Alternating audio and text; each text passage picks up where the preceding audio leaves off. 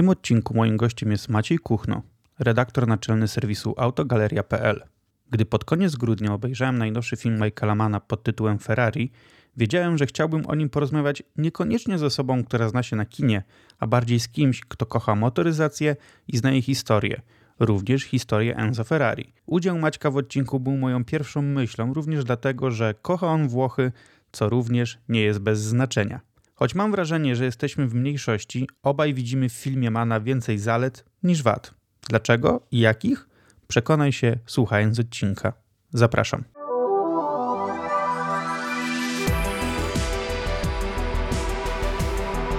Podcast Inna Kultura to przede wszystkim emocje. W kinie, serialach i ogólnie pojętej popkulturze. Razem z moimi gośćmi oraz w odcinkach solowych szukam tego, co nas najbardziej w tym wszystkim napędza i fascynuje. Zapraszam, Jan Urbanowicz. Dzień dobry, witam w najnowszym odcinku podcastu Inna Kultura. Dzisiaj będzie samochodowo. Będziemy, wyobraźcie sobie, że czujecie teraz zapach benzyny, słyszycie pisk opon i mam nadzieję, że nie słyszycie jakichś wypadków, bo tak też się zdarza podczas wyścigów. A jeżeli będziemy rozmawiać o samochodach, a w zasadzie o jednym filmie samochodowym, który był niedawno w kinach oraz innych e, filmach z tego tematu, to trzeba było zaprosić kogoś, kto również kocha samochody. I jest ze mną Maciek Kuchno, redaktor naczelny serwisu autogaleria.pl. Cześć Dzień Maciek. dobry, cześć. E, jak ci się podobał film? To tak, jeszcze nie przechodzimy do tematu, ale tylko od razu, od razu tak, żeby powiedzieć. Podobał ci ten film, czy ci się nie podobał? Bo zdania są bardzo podzielone. Zdania są bardzo podzielone i bardzo mi się podobała reakcja sali kinowej po seansie, bo specjalnie zostaliśmy e, nieco dłużej, czekaliśmy aż napisy trochę przelecą i tak słuchałem sobie ludzi, którzy wstają z siedzeń i nie będę tutaj używał niecenzuralnych słów, ale dużo osób po prostu mm, rzucało takimi oto słowami, ponieważ czekali na głośne Ferrari, które się ścigają non-stop, a stary dziadek Ferrari coś tam pomacha, pouśmiecha się i na tym będzie koniec filmu. Natomiast ludzie ewidentnie nie spodziewali się tego, że ten film jest o Ferrarim, a nie o Ferrari. No tak. I to jest ta drobna różnica. No i y, reakcja kina była bardzo przeciwna te, temu, co ja poczułem, bo mi ten film się bardzo podobał.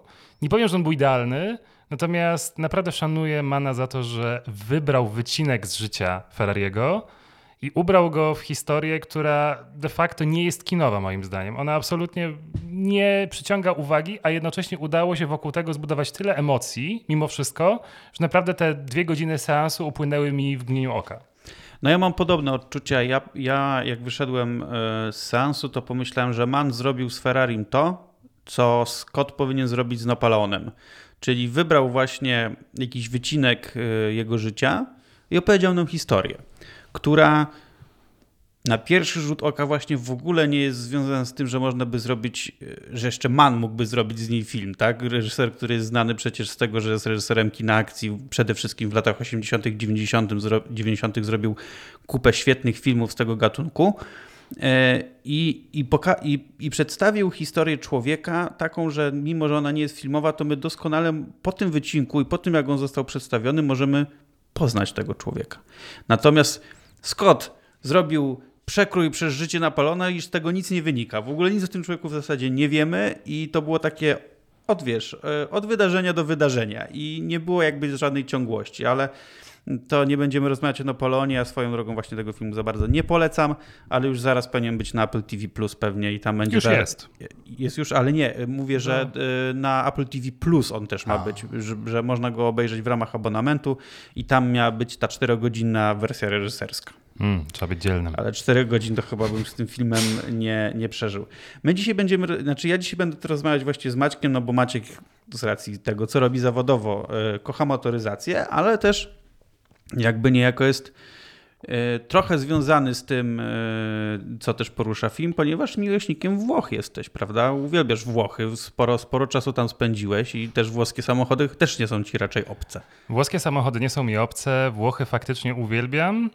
Choć e, przede wszystkim ta miłość do Włoch narodziła się przez to, że miałem okazję tam mieszkać. Może nie cały czas, ponieważ było to takie mieszkanie jedną nogą. Moja żona tam spędziła bardzo dużo czasu. Ale fakt faktem miałem okazję spędzać tam kilka miesięcy ciągiem, więc poznałem trochę ten kraj od kuchni. zwłaszcza we wspaniałym momencie, jakim była pandemia, ponieważ e, o ile był to dosyć ciężki życiowo dla wszystkich, wydaje mi się, e, taki moment w życiu, to jednak z perspektywy kraju, który zawsze jest zadeptany przez turystów, możliwość zobaczenia Florencji, w której mieszkaliśmy, pozbawionej właśnie tych ludzi z USA, z Azji, tylko czysto autochtońskiej de facto, gdzie sami Włosi poruszali się po ulicach, było czymś absolutnie magicznym i niesamowitym, gdzie tylko ten język włoski królował przed katedrą we Florencji, w restauracjach, w barach, które były czynne gdzie były pustki na ulicach i gdzie faktycznie można było poczuć trochę tego klimatu starych Włoch, czegoś, czego nie uświadczycie w zasadzie w żadnym dużym mieście już teraz w sezonie, a ponad poza sezonem tylko w zasadzie w takich malutkich mieścinkach gdzieś e, na zapomnianym końcu kraju. Czyli trochę, trochę taki klimat jak właśnie w filmie Mana. Tam też są właśnie takie sceny, że on chodzi po tych uliczkach i wszyscy tylko wszyscy go rozpoznają, wszyscy do niego wołają i no to były tam lata 50., więc wiadomo, że nie było aż tylu turystów, ale właśnie mniej więcej tak to, tak to wyglądało. Yy, Czekałeś na ten film? Tak w ogóle? Wiesz co, byłem szczerze mówiąc bardzo ciekaw, co zobaczymy, ponieważ e, szanuję i lubię Adama Drivera, a wcielenie się w rolę Ferrariego, dużo starszego człowieka niż e, Driver, było dużym wyzwaniem. Do tego odwzorowanie osoby, która charakteryzowała się specyficznym podejściem do życia, ponieważ Ferrari słynął z tego, że e, był oschły, był bardzo zamknięty, był bardzo kategoryczny i w zasadzie współpraca z nim wymagała naprawdę żelaznych nerwów, bo był to człowiek, który dyktował e, pewne zasady, a nie współpracował z ludźmi. On chciał i to miało się stać. Tak więc byłem ciekaw, jak to będzie pokazane na ekranie. Fakt faktem, muszę przyznać, że o ile gdzieś na początku, jak zaczęły się zdjęcia i pojawiały się jakieś tam pierwsze przecieki z Modeny, gdzie oni robili te e, sceny wyścigu, to działo się, było więcej informacji na temat tego filmu niż później przed samą premierą. Mam wrażenie, że gdzieś promocja totalnie zniknęła. On się pojawił w kinach, faktycznie były jakieś tam przedpremierowe pokazy, natomiast yy, tak ten film przeszedł trochę bez echa. Natomiast ja czekałem na niego, bo właśnie byłem ciekaw, jak ten charakter Ferrariego zostanie e, przekuty na ekran. I myślę, że udało się to zrobić całkiem nieźle, choć widać, że tutaj podkoloryzowano wiele kwestii, bo ciężko jest tak naprawdę zrobić film, o człowieku, którego naprawdę znało niewielu. Więc pokazanie tego jego intymnego życia, tak naprawdę, prywatnego, rodzinnego, wymagało trochę kreatywności i trochę pomysłowości. Wydaje mi się, że odrobinę to podkoloryzowano właśnie, że to wszystko było troszkę ponaciągane. Niemniej temat został, moim zdaniem, przynajmniej dowieziony naprawdę na wysokim poziomie. Właśnie, bo ja jestem no, jedną z tych osób, która no, nawet nie tylko, że go nie znałem od strony prywatnej, tylko w ogóle nie znałem tej postaci. Nigdy się nią specjalnie nie interesowałem. Ferrari jedynie mi się zawsze kojarzyło z, z marką samochodów. E, I to też e, w sumie w filmie jest pokazana o tyle fajna historia, że jest pokazane, że to nie wiem, czy faktycznie tak było, ale przynajmniej bohaterowi, który jest w filmie, nie zależało na tym, żeby robić samochody komercyjne. Tak? On chciał robić przede wszystkim samochody wyścigowe i z tego, co wynika z filmu, samochody komercyjne wyszły tylko dlatego, że po prostu była kasa, żeby marka przetrwała, tak? bo inaczej no, byłoby bankructwo i nie byłoby co zrobić. Dlatego oni starali się ratować też właśnie w ten sposób, żeby wygrywać wyścigi, żeby ludzie byli marką zainteresowani i wtedy mogliby produkować e, samochody e, takie dla, dla zwykłych ludzi, zwykłych w cudzysłowie, zwykłych bogatych ludzi e, i oni wtedy by kupowali samochody i ta marka by szła w górę, jeśli chodzi o, o zarobki.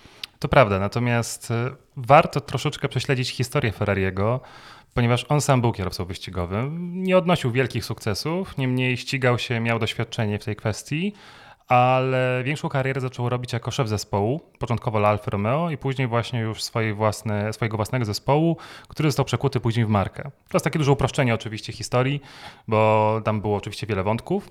Natomiast faktycznie Ferrari był dość niezwykłą postacią pod tym kątem, że e, te samochody drogowe powstawały trochę przypadkiem. Można tak powiedzieć w zasadzie. Te samochody były efektem tego, tak jak powiedziałeś, żeby finansować wyścigi. W pewnym momencie oczywiście położono na nie znacznie większy nacisk i były bardzo ważne dla marki, Aczkolwiek oczkiem w głowie Ferrariego zawsze była rywalizacja na torze i na różnych innych płaszczyznach. Tak więc on w to ładował najwięcej swojego czasu, energii i serca.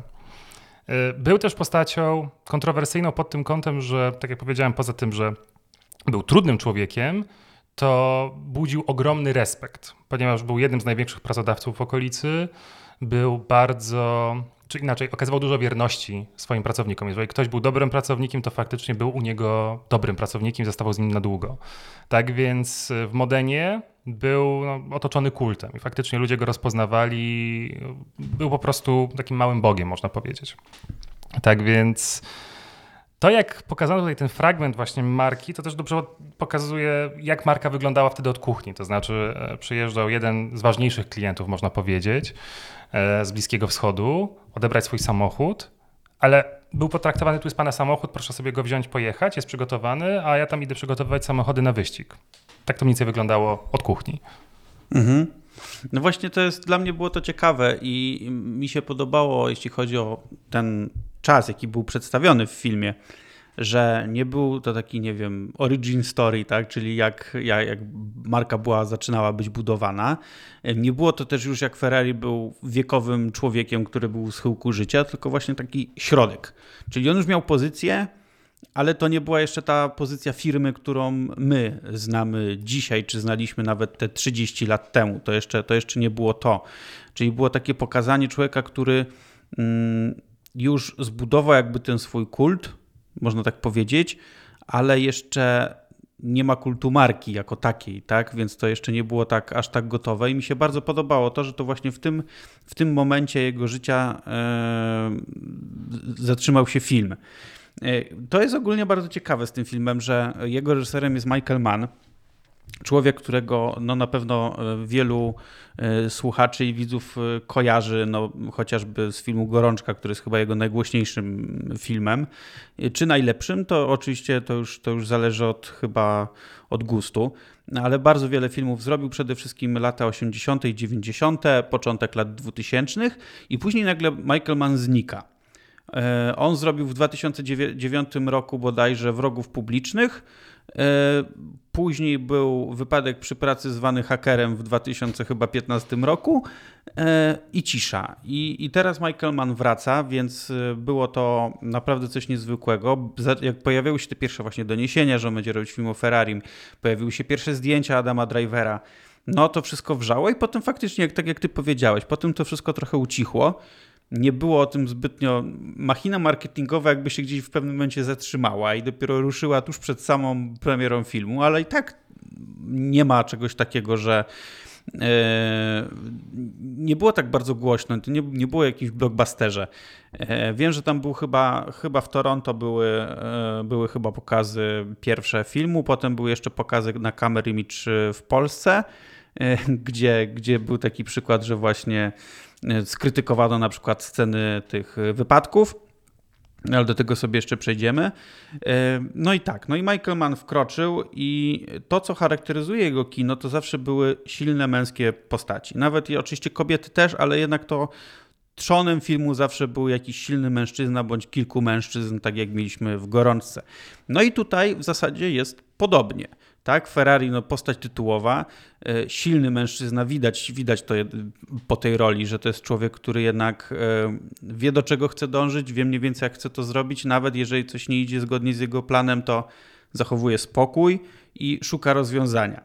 Kontrą jest oczywiście też, też również silna postać kobieca, którą gra Penelope Cruz, gra tu jego e, żonę.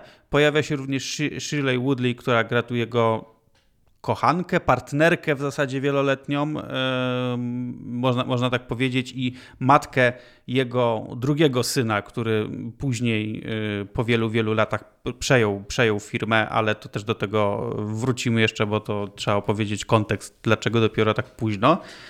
E, no i i, I, ja bardzo czekałem na ten film, ponieważ bardzo lubię Michaela Mana i byłem ciekaw, czy on nadal jest e, w reżyserskiej formie.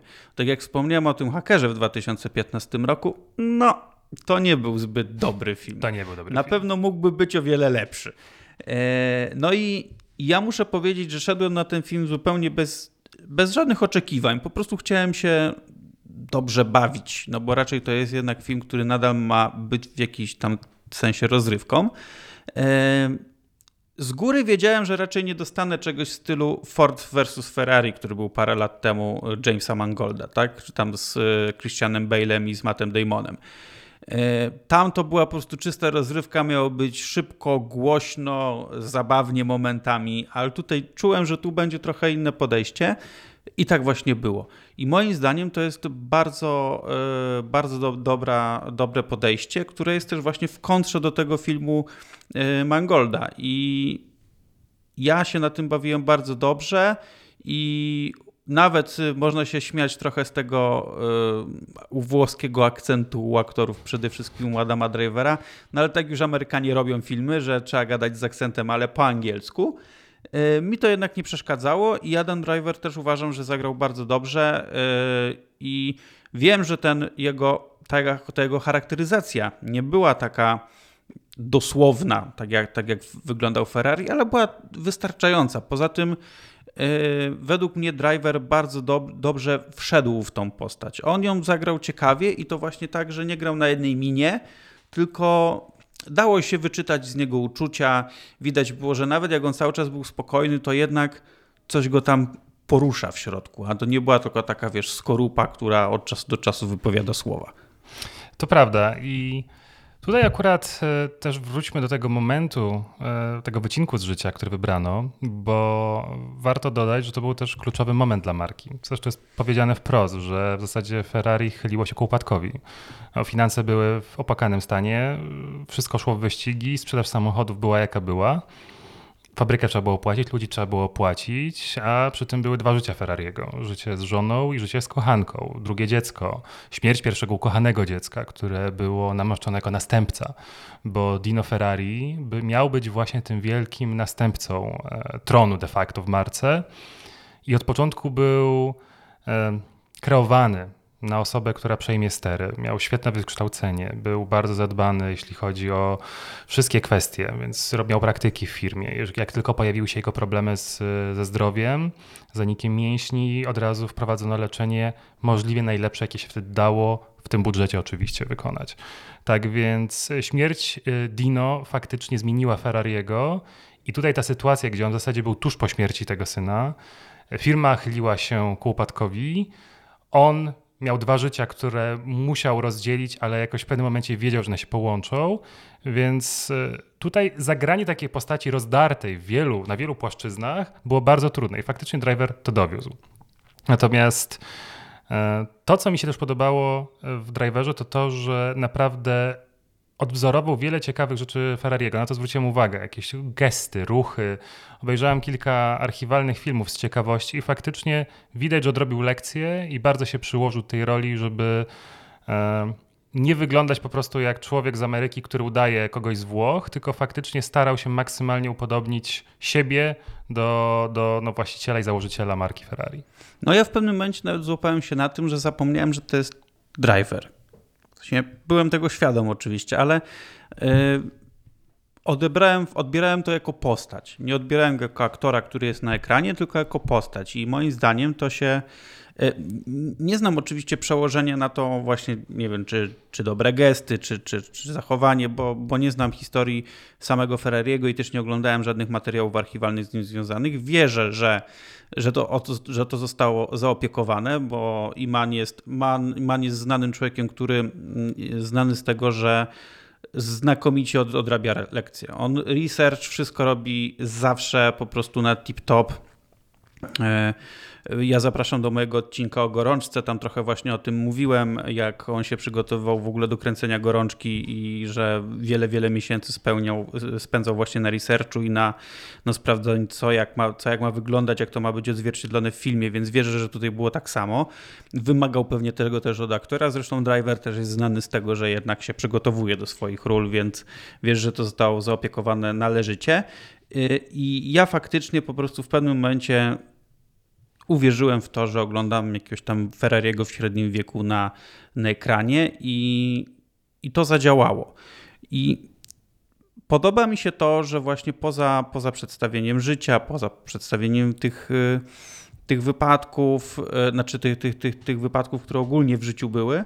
E, były też właśnie też takie kluczowe sceny, że tu był wypadek jednego kierowcy, później ten, ta finałowa zresztą sekwencja tego wypadku, ale mimo wszystko to nie są rzeczy, które są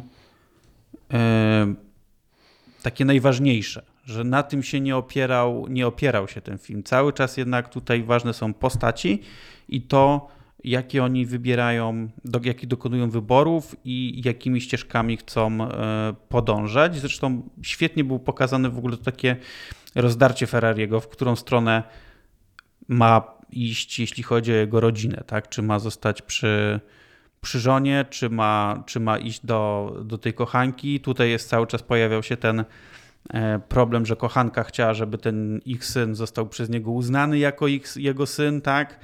E, I, I on cały czas był w tym rozdarty. E, I nie wiem, ty, ty lepiej na pewno znasz tą generalnie historię. W ogóle jakbyś powiedział tak, czy film jest ogólnie wierny tej faktycznej historii? Nie mówię tylko o tym jednym wątku, tylko tak po prostu. Czy czy tu dużo dali od siebie, czy jednak trzymali się mniej więcej jakoś tego, jak to wszystko się działo? Wiesz co, na tyle, na ile znam tą historię, ponieważ oczywiście nie jestem aż takim ekspertem całego e, życiorysu Ferrariego i całej historii marki, faktycznie e, dość wiernie odwzorowano przebieg wyścigu. Zadbano te szczegóły, gdzie na przykład Stirling Moss stracił pedał hamulca dosłownie, wyrwał, złamał mu się i przez to odpadł jako kierowca Maserati. E, faktycznie kierowców dobrze dobrano, rywalizację pokazano w e, powiedzmy przyzwoity sposób. Wiadomo, że tam te sceny pościgów były, wyścigu właściwie, były dość specyficzne, ale to do tego pewnie jeszcze przejdziemy. Natomiast e, ten wypadek pokazano bardzo realistycznie, ponieważ, czy realistycznie, pomijając no, jakby realizację samej tej sceny, to faktycznie to była bardzo trudna historia, Zresztą co pokazane też na samym początku filmu, gdzie Ferrari mówi wprost, że on się musiał odciąć od tego, że kierowcy giną w jego samochodach. To były czasy, gdzie zresztą motorsport zawsze jest, od zawsze był jednym z najniebezpieczniejszych sportów, a wtedy był absolutną jazdą bez trzymanki. To były samochody, w których siedziało się de facto na ziemi bez żadnej opieki, nie było pasów bezpieczeństwa. Jeździło się w dowolnie wybranych ubraniach. Oni jeździli w golfach, jeździli w koszulach, zakładali tylko kawałek jakiegoś kasku na głowę, gogle, żeby nic im nie wpadało do oczu i na tym koniec. I tak wyglądała rywalizacja. Tak więc jakiekolwiek uderzenie, cokolwiek się zadziało, w 99% oznaczało śmierć. Ci mniej szczęśliwi zostawali kalekami na całe życie albo byli sparaliżowani a nieliczni tak naprawdę uchodzili z życiem e, i to bez szwanku, jeżeli coś poważnego się stało. W tym przypadku nie wiem do końca, czy to rozdarcie opony, do którego doszło w Guiticolo, było efektem pokazanego tego od, odblasku w jezdni, bo to miał być odblask na jezdni. Nie wiem, czy to nie był jakiś element innego samochodu, nie mam pewności. Natomiast faktycznie um, kierowca, który wtedy prowadził ten samochód, został wyrzucony z niego, uderzył w słup telegraficzny, właśnie telefoniczny, a sam samochód uderzył w tłum, zabijając 15 osób, jeśli dobrze pamiętam. Znacznie więcej było rannych. Do tej pory dokładnie w miejscu tego wypadku jest e, dosyć znany pomnik, który, który jest odwiedzany przez wiele osób. I od tamtej pory, od tego wyścigu w 1957 roku, Mille Miglia e, nie jeździł, czy inaczej, przestało istnieć de facto. Mhm. Włosi zakazali wyścigów na drogach publicznych. Wtedy też rozpoczął się okres intensywnej rozbudowy torów wyścigowych ponieważ e, tak naprawdę większość wyścigów w tamtych czasach, takich dużych, odbywała się na drogach publicznych. Na przykład słynny tor, e, który jest w okolicach Florencji, Mugello, on był wyścigiem ulicznym wokół miejscowości. To był kawał trasy, wydaje mi się, że około 30-40 km, który różnymi przełęczami prowadził. Finalnie po środku mniej więcej zbudowano po prostu tor wyścigowy, który zastąpił um, ten, ten wyścig uliczny, drogowy i to też jest po części pokłosie tych wypadków, kiedy już nie można było organizować tego typu wydarzeń. Tak więc samo wydarzenie, sam ten wyścig został dosyć dobrze odwzorowany. Ale tutaj e, wrócimy chyba do tego elementu odrobienia lekcji przez Mana, ponieważ jeśli dobrze pamiętam i dobrze widziałem, on do tego filmu przygotowywał się mniej więcej od 20 lat. Tak, tak, bo on go chciał już w ogóle go dużo wcześniej zrealizować. Zresztą to nie jest pierwszy przypadek, gdzie on tak e, gorączkę do gorączki też się przygotował jakoś bardzo, bardzo długo. E, I to nie pierwszy raz, kiedy on właśnie miał coś, e, miał się przygotowywać do jakiegoś filmu, ale tam oczywiście zawsze różne rzeczy się po drodze dzieją. Ale on tak widać, że on jest reżyserem, który tych projektów po prostu nie porzuca, tylko jak już gdzieś mu coś tam w głowie wejdzie, to on potem tego pilnuje i jednak chce do tej realizacji dojść. Tak, więc 20 lat researchu i przygotowania się do tego filmu myślę, że było dobrym pomysłem. Zresztą posiadanie w e, zespole aktorów Patryka Dempseya, który jest kierowcą wyścigowym, bardzo znanym zresztą, który odnosi duże sukcesy i który poświęca się motorsportowi bardzo mocno, myślę, że już nawet bardziej niż aktorstwu, też było jakimś e, dobrym ruchem, bo jednak osoba, która zna się na wyścigach od kuchni i ma też pewnie historię wyścigów w małym palcu, jest e, no, cennym dodatkiem do zespołu, z którym się pracuje. Tak więc to bez wątpienia był dobry ruch. Więc e, samo pokazanie Mile Mili jako takiej bardzo szalonej imprezy, która naprawdę była wyjątkowa, Tutaj trochę zaburzono też, myślę, ramy czasowe, ponieważ ten wyścig odbywał się z Bresci na północy Włoch do Rzymu gdzie kierowcy zawracali i jechali w drugą stronę z powrotem mhm. do Bresci. Rekordziści pokonywali tę trasę w niecałe 24 godziny. Tam się jechało praktycznie non-stop. Pełnym gazem, szalonymi prędkościami przez miasta, po drogach publicznych, które były albo wyłączone z ruchu, albo powiedzmy gdzieś tam był ograniczony ten ruch, ale z reguły były wyłączone z ruchu. Natomiast y, zastanawiałem się właśnie, jakim cudem Ferrari przemieszczał się, jeśli dobrze pamiętam, między Brescią Modeną a Brescią w tak krótkim czasie, bo te, wtedy nie był autostrad. Mhm. On musiał jechać zwykłymi bocznymi drogami, więc tutaj wydaje mi się, że troszeczkę podkoloryzowano rzeczywistość. Tak nie mogło być. On musiał być w jednym miejscu przez cały czas. E, ale zadbano o wiele innych szczegółów. Na przykład fakt, że przez cały film on jeździł Peugeotem 403, który faktycznie był ulubionym samochodem w tamtych czasach Enzo Ferrariego. Bardzo cenił sobie tego Peugeota. To był zwykły, powiedzmy, samochód klasy średniej, tak jakby teraz jeździł Fordem Mondeo. Mhm. Uważał, że on niczego więcej nie potrzebuje. To był jeden z jego ulubionych samochodów do poruszania się na co dzień. Ja myślę, że jakąś Alfą jeździł, ale... To... Nie, nie, Alfą była wożona jego żona. Okej. Okay. Jego żona, żona, nie kochanka mhm. oczywiście. Tak, natomiast on jeździł Peugeotem właśnie, którego sobie bardzo cenił, więc tutaj bardzo fajnie zadbano o te, te szczegóły. Tak samo jak jego upiór. To też mi się bardzo podobało, że bardzo dobrze zadbano o to, żeby e, jego charakterystyczny styl, gdzie on bardzo często nosił dosyć jasny kardigan, e, kamizelkę w zasadzie taką żółtą. Mhm. To był jego, jego dosyć e, charakterystyczny wyróżnik, biała koszula, ciemny krawat, e, marynarka w taką lekką pepitkę. To bardzo fajnie e, wykonano i oczywiście słynne ciemne okulary, które nosił non-stop, czy dzień, czy noc, on zawsze w nich był praktycznie. I jeszcze wrócę na chwilę do tych e, torów. Pamiętam moją myśl, kiedy był pokazany ten tor, co ten pierwszy, ten kierowca zginął, jego tam podczas tych jazd testowych. W Modenie, tak. Tak, i tam właśnie tor w Modenie. Patrzysz, a to tak na dzisiejsze standardy taki tor go-kartowy, nie? E, tu jesteś w błędzie, ponieważ ten tor już od dawna nie istnieje. No wiem, wiem, tylko chodzi mi o to, że jakby odwzorowanie tego. Tak, tak, że, tak. tak że, że, że to, to miał być tor, który na, na dzisiejsze standardy, jeżeli jakby jak wyglądał, to wyglądał jakby to był tor go-kartowy, a nie tor wyścigowy. On, on, te zdjęcia trochę zaburzają, to on był dosyć szybkim torem, był dużo, dużo prostych, natomiast fakt faktem ten teren to jest dosyć spory park w tej chwili w samym centrum mhm. Modeny. Jeśli dobrze pamiętam, to z tego toru już nic nie zostało. Chyba jakiś fragment tylko przez park przechodzi, kawałek e, nawierzchni tam pozostawiono. Mm, natomiast to było miejsce, które faktycznie służyło do testów przez wiele lat i tam wszyscy testowali Maserati e, i Ferrari. Dopiero chyba w latach 60. Ferrari kupił teren w Fiorano, w okolicach Maranello, gdzie zbudował swój tor, który teraz jest połączony z fabryką i jest jego takim własnym centrum doświadczalnym. Ale to już jest zupełnie inna historia z późniejszych lat.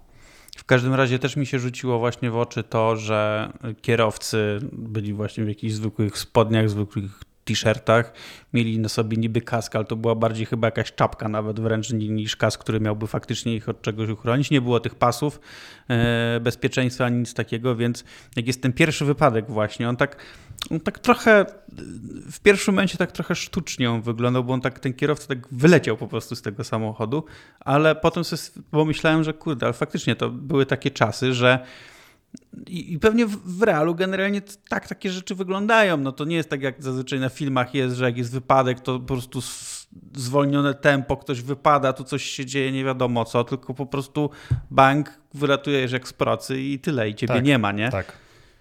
Tak to wyglądało. Zresztą tutaj można cofnąć się do e, Le Mans, jeśli dobrze pamiętam. To były lata 50. chyba jeszcze, nie pamiętam, który dokładnie rok. Moment, w którym e, albo inny tor. W każdym razie to był moment, w którym Mercedes wycofał się z rywalizacji w formule, a wszystko dlatego, że doszło do poważnego wypadku, gdzie jeden z samochodów Mercedesa wypadł w tłum, e, zabijając kilkadziesiąt osób. Nie wiem, czy to nie dochodziło nawet do 50 osób. Może coś koło tego. Po prostu zmiażdżył tłum.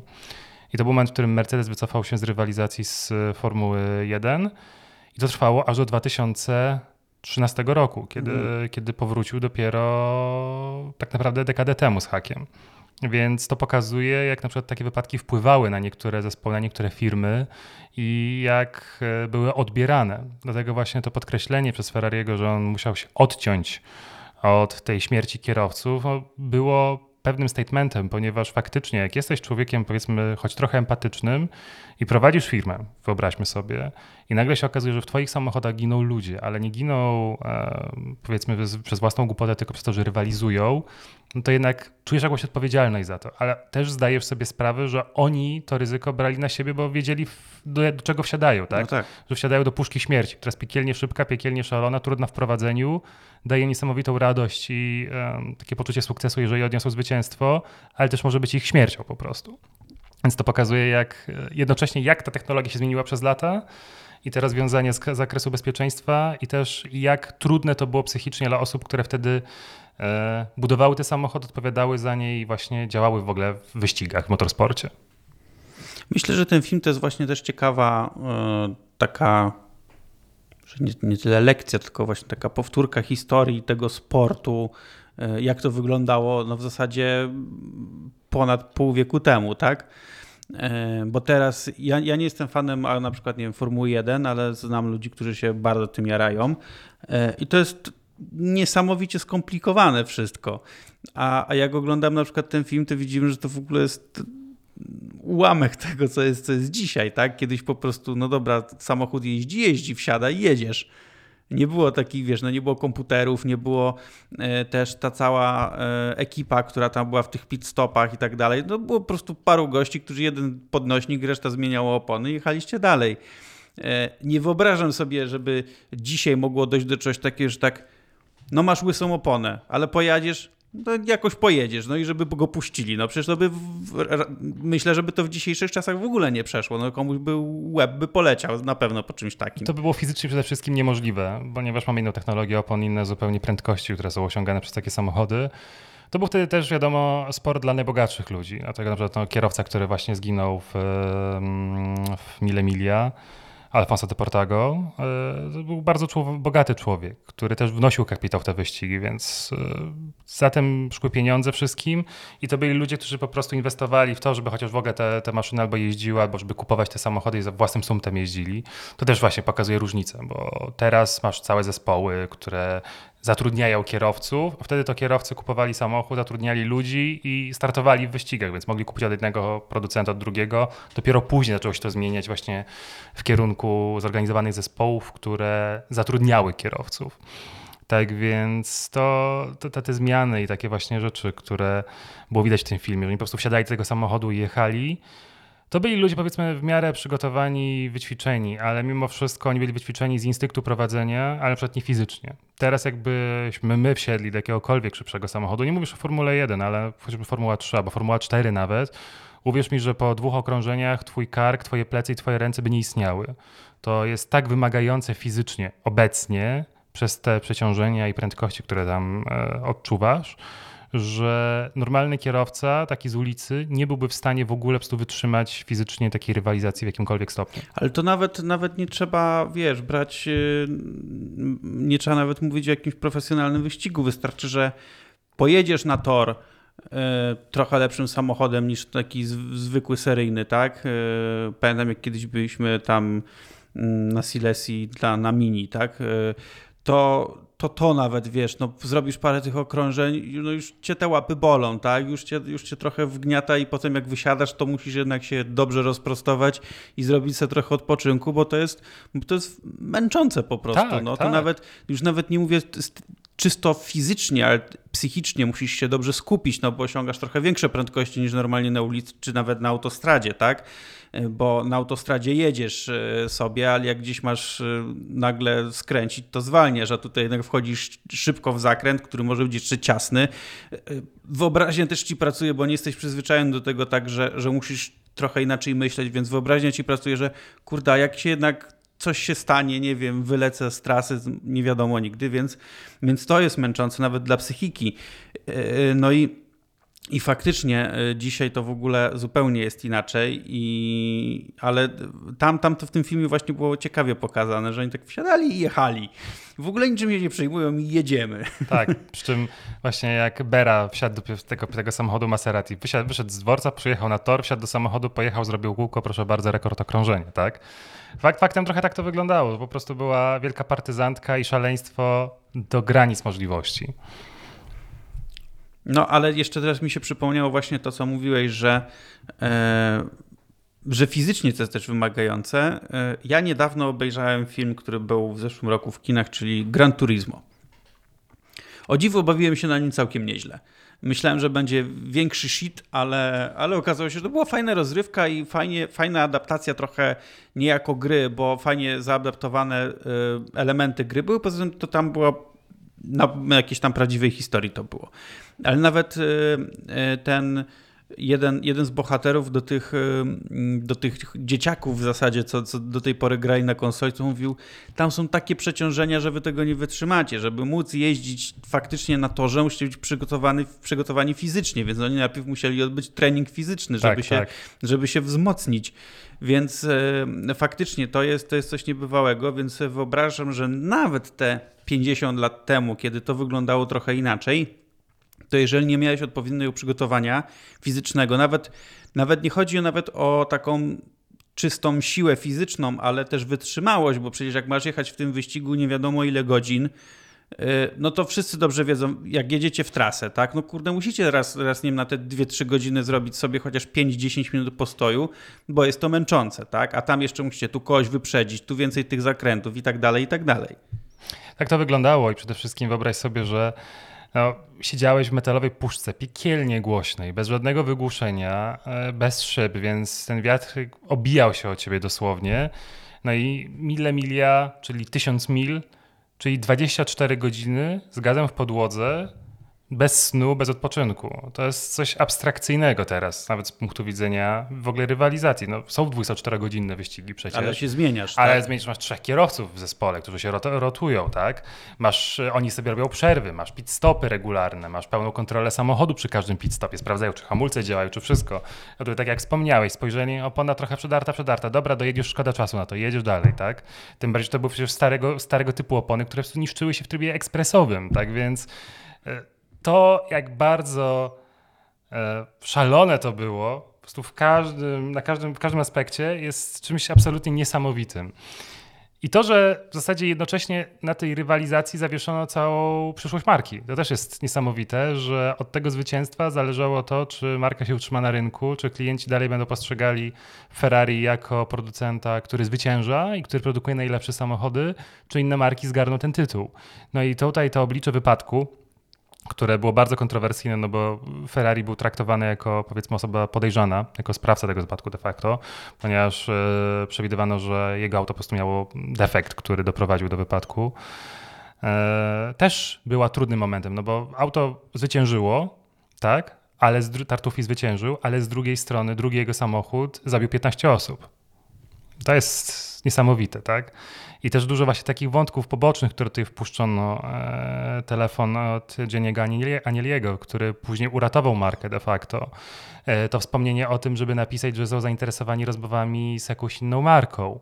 To działo się trochę później, bo w 1963 roku tak naprawdę doszło do rozmów z Fordem, które skończyły się fiaskiem, a trzy lata później, jeśli dobrze pamiętam, albo nieco później, albo trzy, albo, albo cztery lata później, Ferrari e, podzieliło się, czy weszło na giełdę i zostało w 50% dopiero wykupione przez Fiata. I tak naprawdę lata 60. dały jakiś rozpęd już marce, natomiast skrzydła rozwinęła w pełni w momencie, w którym kapitał wszedł z jednej z największych, z największego wtedy koncernu w zasadzie, z Turynu, czyli właśnie z Fiata. Bo to on dał ten, ten drugi podmuch w, właśnie w żagle Ferrari, dzięki któremu marka osiągnęła tak naprawdę poziom, który znamy dzisiaj. Kiedyś to byłby, gdyby powiedzmy zostało to na takim poziomie, jak to wyglądało wcześniej, to byłaby nadal niszowa marka, bardzo mała. A Ferrari tak naprawdę, Fiat dał rozpęd Ferrari i te kolejne lata pozwoliły na to, żeby ta marka się rozwijała. Dlatego właśnie nigdy Piero Ferrari, wtedy jeszcze Piero Lardi, do 60, 76 albo 8 roku, kiedy zmarła właśnie jego żona, bo zgodnie z jej prośbą, co też pokazano w filmie, e, on przyjął nazwisko Ferrari dopiero w momencie jej, po jej śmierci. W sensie żony Ferrariego. Żony Ferrariego, tak, żony Ferrariego.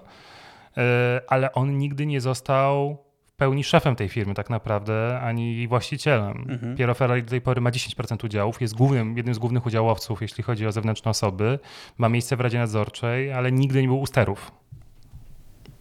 Okej. Okay.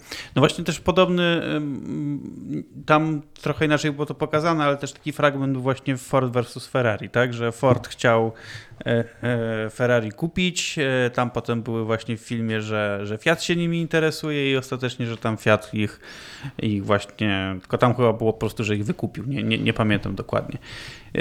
Ale ciekawe jest to, że pomimo tego, że ten film de facto wbrew oczekiwaniom wielu pewnie widzów, nie przedstawia właśnie wyścigów non-stop i, i, i, nie jest taki szybki. To jest raczej kino trochę wolniejsze, mimo że mi się bardzo tempo tego filmu podobało. Ja, ja w zasadzie obejrzałem i ani razu nie patrzyłem na zegarek, w zasadzie te dwie godziny minęły mi bardzo szybko. To pomimo tego, że nie ma właśnie takich elementów poniekąd typowych dla kina samochodowego, to popatrz, jak dużo można było powiedzieć już o tych wyścigach, właśnie, jak to wyglądało kiedyś, e, jakie były te standardy, jak to wpływało na, na wiele rzeczy. Więc można, no jakby trochę to też, mimo tego, że nie ma takich elementów dużo, to one jakby zmusz... mogą, powodować taką dyskusję i to jest bardzo, bardzo ciekawe i uważam, że to było bardzo, bardzo trafnie pokazane i tak samo to, jak to wszystko wpływało na Ferrariego. Czyli to, co mówiłem, że on niby był cały czas taki cichy, skupiony, ale mimo wszystko było widać to, jak to wszystko na niego oddziałowuje i to było bardzo dobrze pokazane i dobrze zagrane przez drivera. Mm, taka, taka jest taka, taka rzecz, bo on, ja słyszałem jeszcze przed premierą filmu, jak były różne pokazy na festiwalach, jak ludzie sobie trochę robili jaja właśnie z tego, jak te wypadki są przedstawione. A ja tego tak nie odczułem. Ja tu nie jakieś takie, wiesz, że one są jakieś tanie, że to tak słabo wyglądało. Moim zdaniem to wyglądało, wyglądało właśnie ba bardzo realistycznie. To nie było jakby sztucznie podkoloryzowane, żeby to było efektowne, tylko w zasadzie to wyglądało tak, jak mniej więcej wygląda wypadek. No. Wiesz co, wydaje mi się, że ludzie trochę nie zdają sobie sprawy, jak wyglądały wypadki w tamtych czasach właśnie w wyścigach, gdzie nie miałeś tych zabezpieczeń. Natomiast...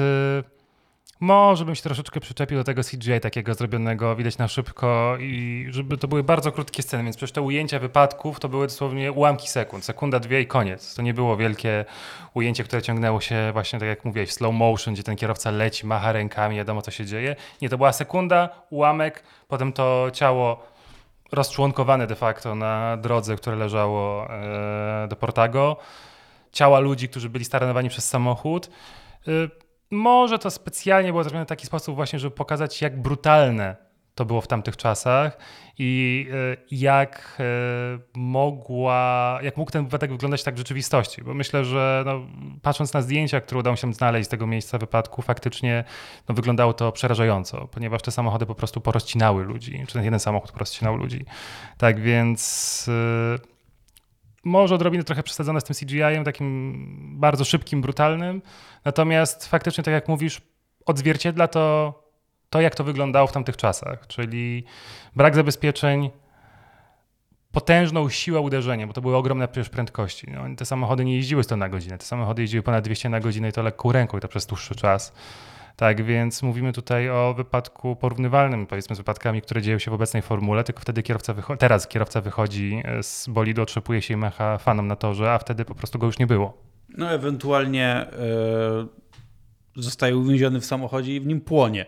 A, a tam, no jak nie było pasów bezpieczeństwa, to, to też w obu, w obu przypadkach, w obu scenach wypadków w tym filmie było pokazane, że jak samochód oderwał się od ziemi, to w zasadzie kierowca od razu z niego wypadał, no bo raz poleciał gdzieś tam w bok, a tutaj poleciał w słup, nie? Tak. I tyle. Tak, ale tutaj nawiązujesz właśnie do wypadku, który pokazano w e, wyścigu Rona Howarda i tutaj trzeba przyznać, że też fajnie odrobiono lekcję, bo cała ta scena wyścigu jest wiernym odzorowaniem nagrania, które zostało zrealizowane, ponieważ ten wypadek został nagrany mhm. przez, e, nie pamiętam czy przez operatora, czy przez kogoś, kto stał z kamerą w tym miejscu i właśnie udało się dzięki temu CGI w zasadzie stworzyć taką filmową wersję tego wypadku, ale był on wiernie wzorowany. To uderzenie, to jak się bolid obrócił, to w jakim stanie Lauda był w środku, w tych płomieniach, jak próbował się wydostać, jak go wyciągali inni. No to było coś przerażającego i to jaką on miał siłę walki, żeby potem jeszcze wrócić na tor. To jest zupełnie inne kino, ponieważ to był faktycznie y, film, który był podyktowany ok, emocją kierowców, ale przede wszystkim tej rywalizacji i te samochody grały pierwsze skrzypce. Natomiast Ferrari, no to jest to, to, co jest dla mnie dosyć ciekawe, że tak naprawdę sceny z wyścigami zajęły 20 minut chyba tego filmu. Mhm. Całe Mile Milia zajęło 10-15 minut, no. myślę. Y, pierwsza scena to było jakieś 4-5 minut, y, ta z rywalizacją w Modenie i koniec. A mimo wszystko gdzieś ten, ten, ten wątek wyścigu był tak widoczny i tak odczuwalny i to, to, te emocje, ta presja wręcz wylewały się z ekranu, że tutaj naprawdę dowiedziony temat, że ten wyścig był tłem, a jednocześnie tak bardzo ważnym elementem całej historii, całej układanki. No zresztą przez cały film też jest budowane to jakby niejako napięcie, to jaką przedstawianie postaci Ferrariego, tak? I w momencie, kiedy my już tą postać mamy jakoś zbudowaną i już coś co, nie, co nieco o niej wiemy, to w momencie, kiedy już jest ten wyścig i wiemy, że muszą nastąpić jakieś konsekwencje tego wypadku, to już mniej więcej możemy sobie wyobrażać, jaka będzie reakcja głównego bohatera i co on będzie chciał zrobić. Więc ja uważam, że to jest bardzo fajnie skonstruowane, dlatego no, w momencie, kiedy to nagrywamy, ten film mm, jest chyba, nie wiem, z dwa tygodnie na ekranach e, polskich kin i, i trochę, trochę ludzi, jakiś wśród moich znajomych już ten film oglądało, jak oglądałem nieco wcześniej. E, jednym się bardzo podoba, a jednym się bardzo nie podoba. I co najlepsze, podoba się tym osobom, które myślałem, że się nie będzie podobać, a nie podoba się tym, co myślałem, że oni będą fanami tego filmu. Więc e, to mi się, to jest dla mnie ciekawe zjawisko, kiedy jakieś dzieła kultury, tu akurat mówimy o, o filmach, wzbudzają takie emocje, że wręcz wychodzi odwrotnie niż byśmy się spodziewali na przykład po ludziach i ich reakcjach. Sam to zauważyłem po swoich znajomych, ponieważ okay, część ludzi związanych z motoryzacją faktycznie była dosyć mocno e, zadowolona po seansie. Natomiast e, widziałem reakcje kilku osób, które powiedzmy mają ogromną wiedzę historyczną, bardzo interesują się też kulturą, kinem, sztuką. I po seansie rzucili takimi komentarzami, że byłem w szoku, kiedy właśnie pojawiały się komentarze pokroju, że to jest absolutnie denny film, nudny, przegadany o niczym, który tak naprawdę pokazuje kilka dni z życia starego pana z Modeny można się w tym, z tym w pewnym sensie zgodzić, ale trzeba zrozumieć tak jakby tło tej historii i to, że ten wycinek naprawdę jest ważny i on powiedzmy no, otworzył wiele rozdziałów. O tym, że żona dowiedziała się, że miał kochankę i że miał e, drugiego syna. Dowiedzieliśmy się o tym, że firma chyliła się ku upadkowi i tak naprawdę pierwsze podanie ręki, a w zasadzie takie skinienie głową w kierunku potencjalnego, e, potencjalnego koła ratunkowego zostało wykonane właśnie w stronę rodziny Anielich. Więc ten mały wycinek wbrew pozorom y, łączy ze sobą bardzo dużo wątków z historii Ferrari jako marki i historii Ferrariego jako człowieka. Więc to, że man to wybrał, wytypował i ubrał te niecałe w zasadzie dwie godziny y, w kinie, jest dla mnie naprawdę świetną robotą, dlatego mi osobiście ten film bardzo przypadł do gustu, bo wreszcie dostaliśmy film nie o marce, tak jak robi wiele osób, tylko o, o człowieku, który z tą marką jest związany, o którym sporo osób wie cokolwiek, powiedzmy. No właśnie, że jest starszym panem w okularach, że był znany, że był groźny, miał specyficzny charakter, specyficzne podejście do pracy i wszyscy do niego mówili il commendatore. A okazuje się, że za nim było coś więcej i to wszystko udało się faktycznie na ekranie pokazać, co próbowali też inni robić. Nie pamiętam, kto był reżyserem, ale był film o Lamborghini parę, parę chyba rok temu albo dwa lata mhm. temu wydany. Obejrzałem go w całości, ale przewijając już w pewnym momencie i szczerze mówiąc tak złej produkcji to w życiu nie widziałem. To po prostu był absolutny dramat, dno i trzy metry mułu. Gran Turismo, które wspomniałeś, to faktycznie było dobre kino rozrywkowe, ale też trochę przekombinowane. Wiadomo, że tą historię pokolor pokolorowano mocno. E, no, dla osób, które powiedzmy interesują się wyścigami, widać było, jak dużo rzeczy naciągali, typu, że jakiś tor, który mówią, że się, na którym się ścigają, to nie był ten tor, to był zupełnie inny tor. Ludzie po zakrętach to łatwo rozpoznali po, po scenerii. Ale faktycznie to była taka fajna, rozrywkowa historia, że siedzisz w kinie i nawet zjesz sobie ten popcorn i obejrzysz go z jakimś tam uśmiechem na twarzy. O wyścig to jest klasa sama w sobie. Moim zdaniem to był jeden z najlepszych e, filmów, jeśli chodzi o taką rywalizację wyścigową i to, co mówisz, Ford versus Ferrari. E, to także jest produkcja, która moim zdaniem e, daje dużo emocji, ale też dużo tła historycznego. Mhm. Tak, Więc... bo to miałeś tło historyczne, miałeś rywalizację, tak. ale miałeś też humor, miałeś po prostu tak, dobry tak. film, który się przyjemnie ogląda. Ja bardzo lubię do tego filmu wracać. Ja tak, ale widzisz, czas. zawsze były te filmy powiedzmy mocno zawarte wokół akcji całej, tak? A pierwszy raz stworzono film trochę o wyścigach, ale bardziej o człowieku, gdzie ten wyścig jest takim tak naprawdę ułamkiem i wycinkiem tej historii. Więc bardzo szanuję za to Mana, że zdecydował się coś zupełnie nieoczywistego i jestem w sumie ciekaw, jak wyglądały jego rozmowy ze studiami, z którymi to produkował, ponieważ zdaję sobie sprawę, że oni byli świadomi, że ten film nie będzie kasowym sukcesem, no, on nie podbije kin, on nie będzie hitem, że on raczej przejdzie bez echa. Może powiedzmy, zobacz, doceniał go ludzie, którzy cenią sobie historię Ferrari, doceniał go ludzie, którzy um, interesują się tą marką, interesują się rywalizacją i motorsportem, ale czy doceniał go ludzie, którzy po prostu chcą pójść do kina, zobaczyć dobrą akcję? Na pewno nie. Tak więc y, tutaj jestem ciekaw, jak wyglądały te wszystkie rozmowy od ku, za kulisami, bo naprawdę taką produkcję przepchnąć w obecnych czasach to, to jest duży wyczyn. No, zwłaszcza, że można było pójść taką łatwiejszą drogą i trochę jakby czas, o którym ten film opowiada, delikatnie jeszcze rozciągnąć i dodać tam, nie wiem, jeszcze dwa, trzy albo nawet cztery wyścigi, które się gdzieś po, po drodze działy. Załóżmy. Można było. Natomiast... Można było, ale wtedy byśmy już trochę za bardzo chyba odeszli od tej głównej postaci, na której się tutaj skupiamy. I dla mnie ten wybór był o wiele, tak. o wiele ciekawszy, mniej, mniej oczywisty i tak. mimo wszystko dobry. Plus y, nie wiem, czy też Man o tym wiedział, czy nie, czy to była jako świadoma decyzja i jak wyglądały pierwotne plany wobec tego filmu. Natomiast y, jeśli się nie mylę, powstaje teraz serial o Ferrari. Tylko nie wiem, czy to będzie o człowieku, czy o marce w całości. To trzeba byłoby sprawdzić. Natomiast y, on będzie miał kilka odcinków i na pewno będzie znacznie szerszą historię przedstawiał. Więc być może tutaj była całkiem sprytna idea, żeby to wszystko nie powtarzało się, tylko ten wycinek historii był ważniejszy tutaj i kreował tak jakby całą sytuację, a y, serial będzie zupełnie inną rzeczą, która jest powiedzmy osobną historią, która będzie pokazywała inne wątki, może szerszy przekrój czasu. Kto wie, zobaczymy, co z tego wyjdzie. Na szybko próbuję znaleźć, ale nie mogę, nieważne. To tak tylko w ramach ciekawostki miało być.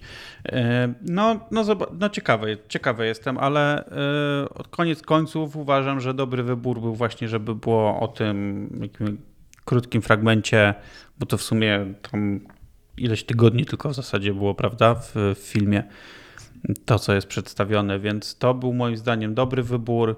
E, I ja się na tym nie dość, że dobrze bawiłem, to jeszcze takie, takie historie, które też nie przedstawiają, e, nie przedstawiają historii takiej szerokiej. Zachęcają w ogóle, żeby tą historię potem sobie mm, poznać, tak? poszukać czego, jakichś informacji, może jakąś książkę przeczytać, czy jeszcze jakieś obejrzeć filmy dokumentalne, więc jak dla mnie, dla, dla mnie bardzo fajnie. No właśnie, szybko dokopałem się do, to, do tego, o czym rozmawialiśmy i ten serial zamówił Apple TV, to o. jest ciekawostka, i ma przedstawiać historię z lat 50-61, czyli de facto będzie zazębiać się e, z wątkiem z filmu Mana. Tak więc może to być ciekawa rzecz, ponieważ będzie ta, ta sama przestrzeń czasowa, ta sama historia przedstawiona w zupełnie innych ramach. Natomiast dopiero produkcja ma się zacząć. E, Stefano Solima widzę, że będzie reżyserem a pa Paolo Sorrentino będzie jednym z producentów, tak więc zespół, który stoi z tym serialem zapowiada się całkiem ciekawie. Ludzie od Młodego Papieża i Peaky Blinders. Okej, okay. no czeka, czekamy w takim razie. Czekamy. też właśnie teraz sprawdziłem, że szykują, więc pewnie w przyszłym roku, znając życie. Więc co, jeżeli ktoś e, Ferrari nie widział i w momencie, kiedy tego odcinka słuchacie, już go nie ma na ekranach naszych kin, to pewnie niedługo na streamingi jakieś wiedzie. Więc y, ja polecam obejrzeć, ponieważ też uważam, że to jest świetnie zrealizowany film, bardzo dobrze zagrany. Zresztą, zresztą o wszystkim tutaj już mówiliśmy, że to jest ciekawa historia, która opowiedziana jest w nieco inny, trochę niestandardowy sposób i dzięki temu wybija się z tego całego zbioru takich filmów e, stricte motoryzacyjnych. Tak, cieszę się, że taki film w ogóle powstał, bo wreszcie ktoś podszedł do motoryzacji w inny sposób, gdzie motoryzacja to nie tylko samochody, konie mechaniczne i szaleństwo, tylko to też ludzie, którzy za tym stoją. To są jakieś właśnie emocje, przeżycia, dramaty. To liźnięto oczywiście w Ferrari, Ford versus Ferrari. To pokazano bardzo dobrze w wyścigu. Natomiast tutaj po prostu mamy coś zupełnie innej bajki. I myślę, że Mann stanął na wysokości zadania i pokazał, że jest możliwość robienia takich filmów. W sensie, jak się chce, to naprawdę można pokazać historię człowieka stojącego za marką i zrobić z tego coś wspaniałego. A takich ludzi jest dużo. Mamy historię rodziny Porsche, która jest jednocześnie bardzo trudna, ale zarazem fascynująca. Mamy Ferruccio Lamborghiniego, który no, został niestety kiepsko sportretowany w filmie, który powstał dwa lata temu, jeśli dobrze pamiętam ale wciąż zasługuje na pokazanie zupełnie innej strony. Jako człowiek, który w zasadzie trochę obraził się na pana Ferrariego, więc zrobił swoją markę i ta marka odniosła duży sukces.